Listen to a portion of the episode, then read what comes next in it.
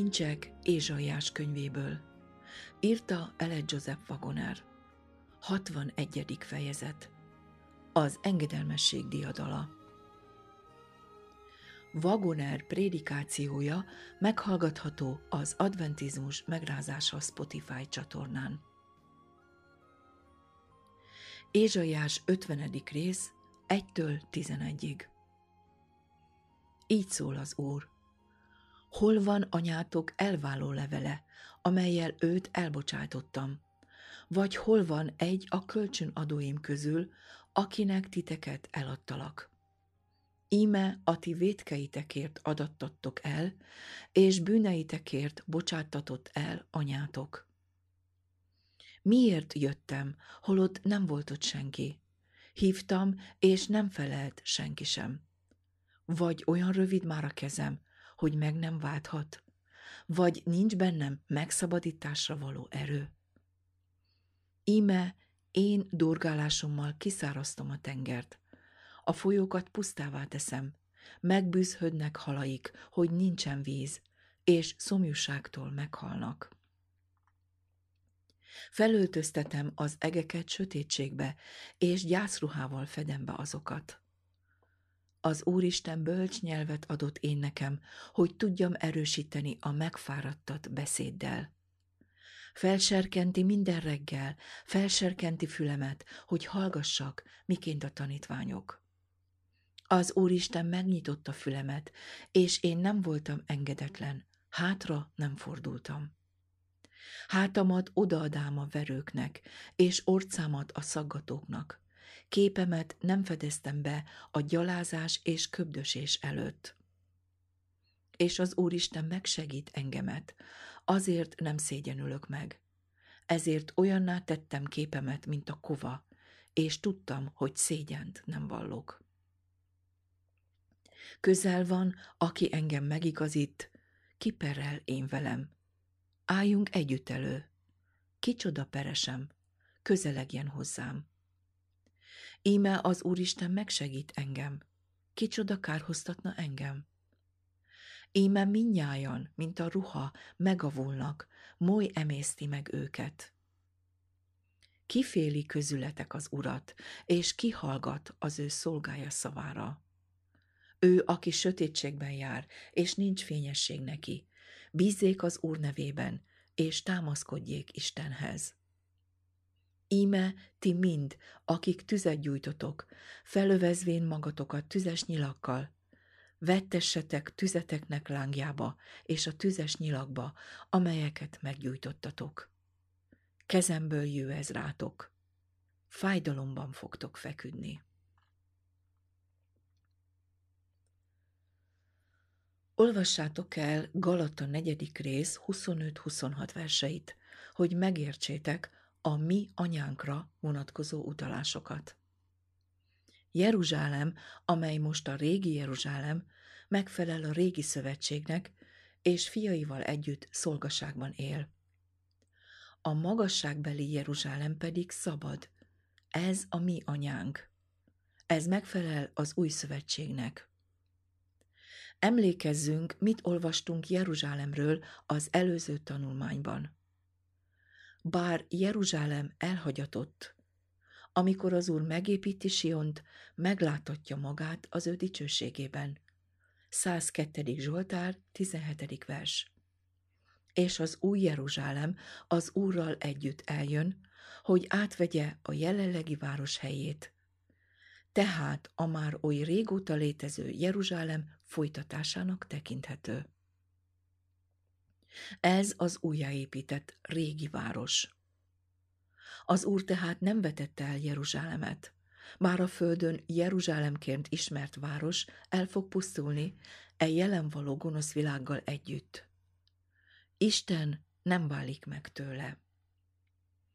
Ezzel kapcsolatban olvassuk el Ézsaiás 54. fejezetét, különösen a 4-től 7-ig tartó verseket, és sokkal könnyebben megértjük majd a fejezet első versét. Isten nem szegényedhet el. A régi korok népei között Gyakran előfordult, hogy egy apa eladta gyermekeit rabszolgának, hogy kifizesse tartozását a hitelezőnek. Ezt a zsidók körében is gyakorolták, amint azt a 2 Mózes 21. rész 7. verséből és a Nehémiás 5. rész első 5 verséből megtudjuk. De Isten soha nem szegényedett el annyira, hogy ehhez folyamodjon. Soha egyetlen hitelező sem volt olyan előnyben az Úrral szemben, hogy gyermekeinek eladására kényszerítse őt. Egyetlen gyermekét sem adta el, még akkor sem, amikor fogságba vitte őket. Ők adták el saját magukat. Semmiért adtátok el magatokat, és nem pénzen váltalak meg. Ézsaiás 52.3. Angol fordítás. Az Úr annyira távol áll attól a kényszerhelyzettől, miszerint hitelezői kifizetéséhez eladja népét, hogy képes visszavásárolni őket, miután ingyen eladták saját magukat. Az üdvözítő hatalom Ki merne kételkedni Isten üdvözítő hatalmában? Ki állíthatja, hogy Istennek nincs szabadító hatalma? Elég elolvasnunk Izrael Egyiptom földjéről való szabadulásának beszámolóját, hogy lássuk, milyen könnyű dolog az Úr számára, hogy megmentse népét. Hasonlítsuk össze az Ézsaiás 50. rész második versét, a 2 Mózes 14. rész 21. versel, és a 2 Mózes 7. rész 14-től 21-ig tartó versekkel. Ugyanaz a hatalom szabadít meg minket a bűneinktől, amelyekért rabságba adatunk. Ne féljetek attól, hogy össze fogjátok keverni a szó szerintit a lelki dolgokkal. Isten minden cselekedete egyszerre szó szerinti és lelki is. Ha Isten csak közölné velünk, amit tenni képes, akkor nem lenne semmi kézzel fogható, amibe kapaszkodhatnánk. Nem lenne alapja hitünknek, mert bármennyire is szeretnénk hinni, elménk nem tudná felfogni annak értelmét és valóságát, amit az Úr mondott. Ezért szemlélhető példákat ad nekünk az ő üdvözítő hatalmáról, amelyek a természetben folyó munkájára és a múltban végzett különleges cselekedeteire is vonatkoznak. Mindezt azért teszi, hogy tudassa velünk, hogy hatalma, amelyet ígérete szerint az érdekünkben gyakorol, olyan valóságos, hogy saját testünkben is megtapasztalhatjuk. Felismerhetjük, hogy ő megment minket. Krisztus az, aki bölcsességül lett nekünk Istentől, és igazságul, szentségül és váltságul. 1 Korintus 1.30 Ő az, aki ezekben a versekben beszél. Ő az örök atya, az új Jeruzsálem pedig a menyasszony, a bárány felesége. Jelenések 21, 9-től 10-ig. Így láthatjuk, hogy Ézsaiás proféciája tökéletes összhangban van a jelenések könyvével. A hatodik versben található a félreérthetetlen bizonyíték arra, hogy Krisztus az, aki ebben a fejezetben megszólal. Hátamat oda tartottam a verőknek, és szakállamat a szaggatóknak, arcomat nem fedeztem el a gyalázás és köbdösés elől.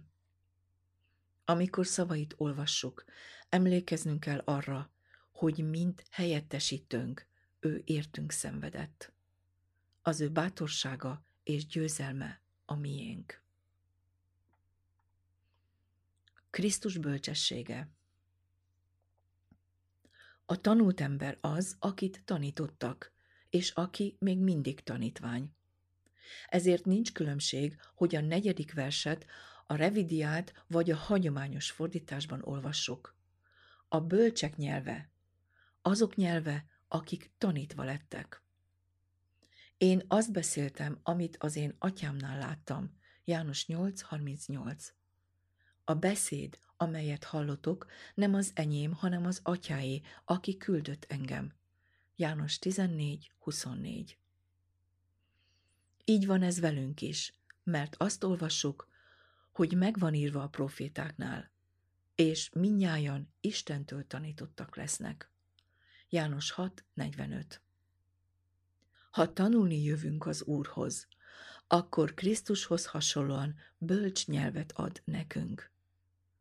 De a tanulás nem jár erőfeszítés nélkül. Istentől tanulni nem pusztán lusta egyetértést jelent bizonyos tanokkal, vagy érzelgős önátadást, és azt a képzelgést, hogyha azt mondjuk, hogy Isten a tanítónk, akkor elkerülhetetlenül tanít is minket. Sok embernek voltak jó tanítói, de nem használt nekik, mert túl lusták voltak a tanuláshoz. Gyakran az emberek úgy gondolják, hogy a vallás a valódi tudás helyettesítője. Azt gondolják, hogy ha Isten a tanítójuk, akkor soha többé nem kell semmit sem tanulniuk. Éppen ezért kellene többet tanulniuk. Itt van egy ember, aki szomjazza a tudást, de lehetőségei korlátozottak. Végre lehetősége nyílik arra, hogy egy neves tanár mellett tanuljon. Tudja, hogy ez egy ritka lehetőség, és igyekszik majd minél többet tanulni. Nem szabad kihagynia egy ilyen lehetőséget. Így kell tennie azoknak is, akiknek lehetőségük van arra, hogy Istentől tanuljanak.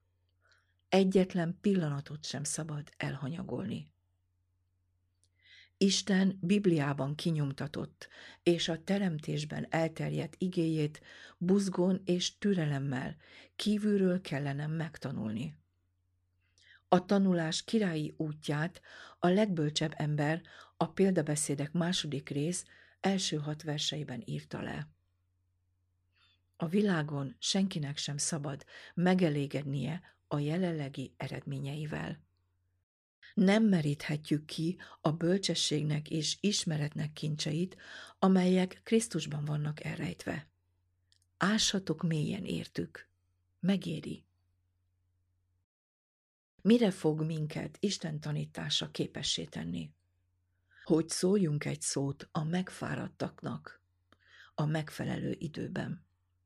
Nem üres szavakat, hanem olyan szavakat, amelyek erősítik a megfáradtat. Akitől tanulnunk kell, az szelíd és alázatos szívű. A felülről való bölcsesség pedig először is tiszta, azután békeszerető, méltányos, engedelmes, irgalmassággal és jó gyümölcsökkel teljes. Jakab 3.17 Néhány vigasztaló szó Hallgass meg néhány szót, amelyel Jézus a megfáradtakat támogatta, amikor itt volt a földön. Bízzál, fiam, megbocsátattak neked a te bűneid. Máté 9, 2 A te hited megtartott téged, eredj el békességgel. Én sem kárhoztatlak, eredj el, és többé ne védkezzél. Leányom, a te hited megtartott téged, eredj el békével. Sok hasonló szóval támogatta Jézus a megfáradtakat. Tudunk-e mi is ugyanilyen szavakkal vigasztalni szenvedőket? Valóban tudunk, mert mi Krisztus követei vagyunk, és mintha Isten kérne mi általunk, mint ahogyan Krisztus által is. A bűn minden nyomorúság oka, és Isten megvigasztal minket minden nyomorúságunkban, hogy mi is megvigasztalhassunk bármely nyomorúságba esteket, azzal a vigasztalással, amelyel Isten vigasztal minket. Isten elküldte fiát a világba, hogy üdvözüljön általa a világ, és azt mondja, amiként engem küldött az atya, én is akképpen küldelek titeket.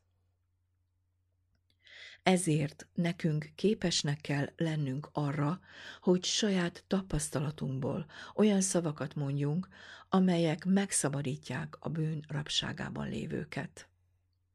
De előbb nyelvet kell kapnunk az Úrtól, és engednünk kell, hogy ő irányítsa azt.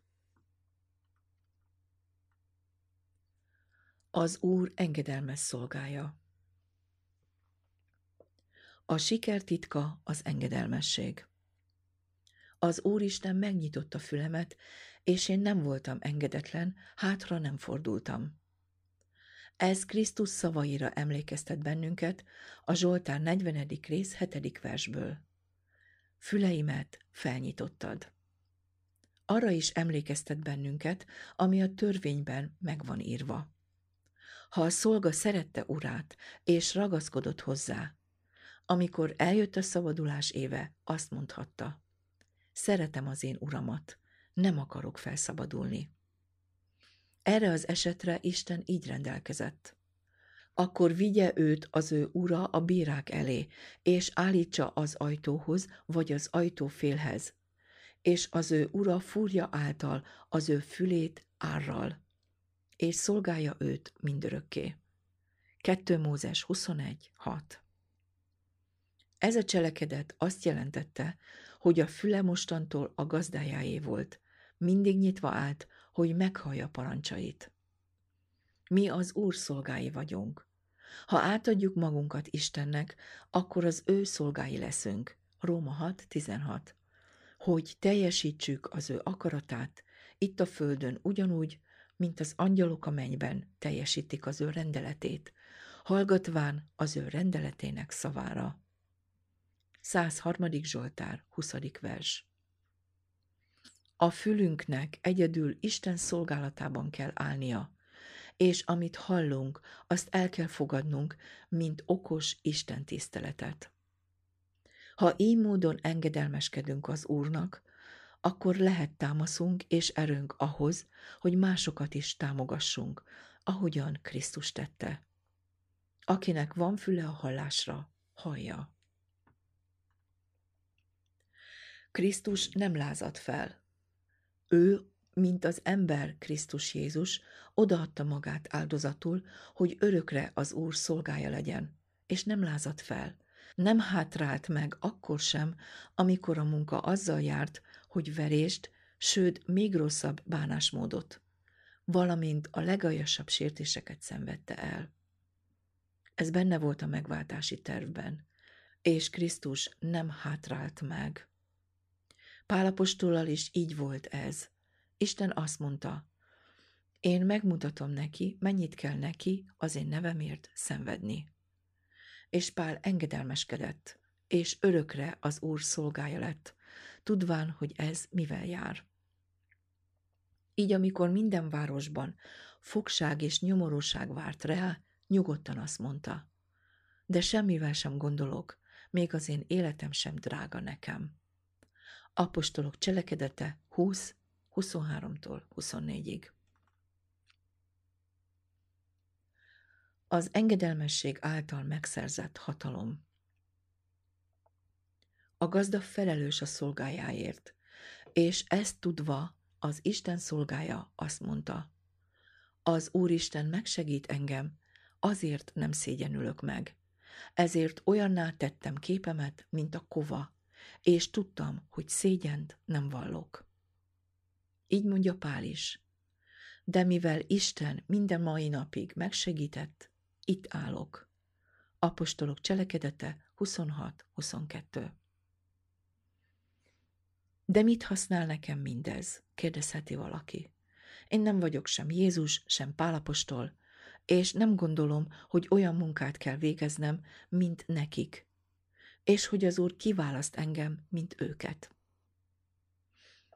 Ó, ha így gondolkozol, elveszíted az evangélium történetének velejét. Nem látod, hogy Jézus és Pálapostól ereje éppen a gyengeségük volt? Jézus azt mondta, én semmit sem cselekedhetem magamtól. János 5.30 Semmit sem cselekszem magamtól. János 8.28 Az atya, aki én bennem lakik, ő cselekszi e dolgokat. János 14.10 Pálapostól csak akkor volt erős, amikor gyenge volt. Isten azt mondta Pálapostolnak, elég neked az én kegyelmem, mert az én erőm erőtlenség által végeztetik el. Ő pedig így kiáltott fel. Nagy örömest dicsekszem azért az én erőtlenségeimmel, hogy a Krisztus ereje lakozzék én bennem. 2 Korintus 12, 9-10 A Krisztus ereje, amely benne lakozott, gyengeségében, ugyanaz az erő volt, amely Krisztusban lakozott az ő gyengeségében. Nos, itt van a vigasztalás számodra, bárki is vagy. Gyenge vagy, a gyengék közül a leggyengébb? Nagyon jó, akkor kiváló alkalmat adsz az Úrnak, hogy megmutassa erejének tökéletességét. Krisztus ereje abban állt, hogy alávetette magát az atyának. Bizonyára te sem vagy túl gyenge ahhoz, hogy Isten kezében pihenj, hogy ő azt tegye veled, amit akar. Ha Krisztus lakik a szívedben, úgy, amint ő van, akkor beteljesedhetsz az Istennek egész teljességéig. Krisztus minden tapasztalata a miénk lehet.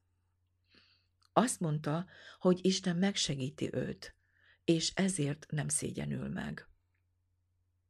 És nem tanultuk-e, nem is olyan régen, hogy Izrael megszabadul az Úr által örök szabadulással.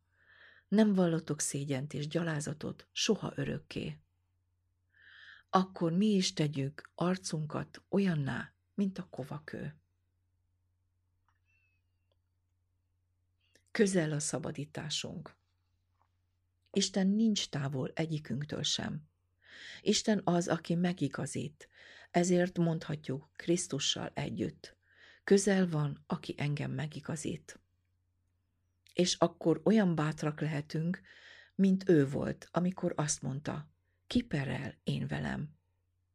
Álljunk együtt elő, kicsoda peresem, közelegjen hozzám, íme az Úristen megsegít engem. Az Úr az én világosságom és üdvösségem, kitől féljek? Az Úr az én életemnek erőssége, kitől remegjek? 27. Zsoltár, első vers.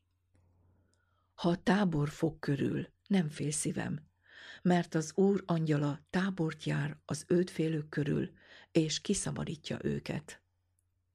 Engedelmeskedjetek azért az Istennek, álljatok ellene az ördögnek, és elfut tőletek. Jakab 4, 7 Az igazi világosság De az út olyan sötét, mondhatja valaki. Ó, kiféli közületek az urat, és kihallgat az ő szolgája szavára. Ő, aki sötétségben jár, és nincs fényesség neki, bízzék az Úr nevében, és támaszkodjék Istenhez. Lásd az Ézsaiás 50. rész 10. versét revidiált fordításban. Így mondhatjuk a régi idők alázatos emberével együtt. Ne örüljén ellenségem. Elestem ugyan, de felkelek, mert ha még a sötétségben ülnék is, az Úr az én világosságom. Kivisz engem a világosságra, meglátom az ő igazságát. Mikiás 7, 8, 9 aki az Úrban bízik, nem fog megszégyenülni. Vigyázz azonban, hogy ne a magad világosságában járj. A saját magad által csiholt szikrák fénye nem helyettesíti az Isten dicsősége ismeretének világosságát. És ez az az üzenet, amelyet tőle hallottunk, és hirdettünk nektek, hogy az Isten világosság, és nincsen ő benne semmi sötétség. Ha pedig a világosságban járunk, amint ő maga a világosságban van, közösségünk van egymással, és Jézus Krisztusnak, az ő fiának vére megtisztít minket minden bűntől. Az eszményeink és véleményeink, amelyek saját magunktól származnak, mind sötétség, még ha egy pillanatra is úgy tűnne, hogy felvillan bennünk a fény. Isten igéje világosság, és mivel a szívünkben van, sikeresen ellenállhatunk ez élet sötétségének világbírói ellen. Efézus 6, 11-től 17-ig. Az igazi világosság most ragyog. Hálákat adván az atyának, ki alkalmasakká tett minket a szentek örökségében való részvételre a világosságban, aki megszabadított minket a sötétség hatalmából, és által vitt az ő szerelmes fiának országába. Kolossé 1, 13 De Present Route 1900. február 22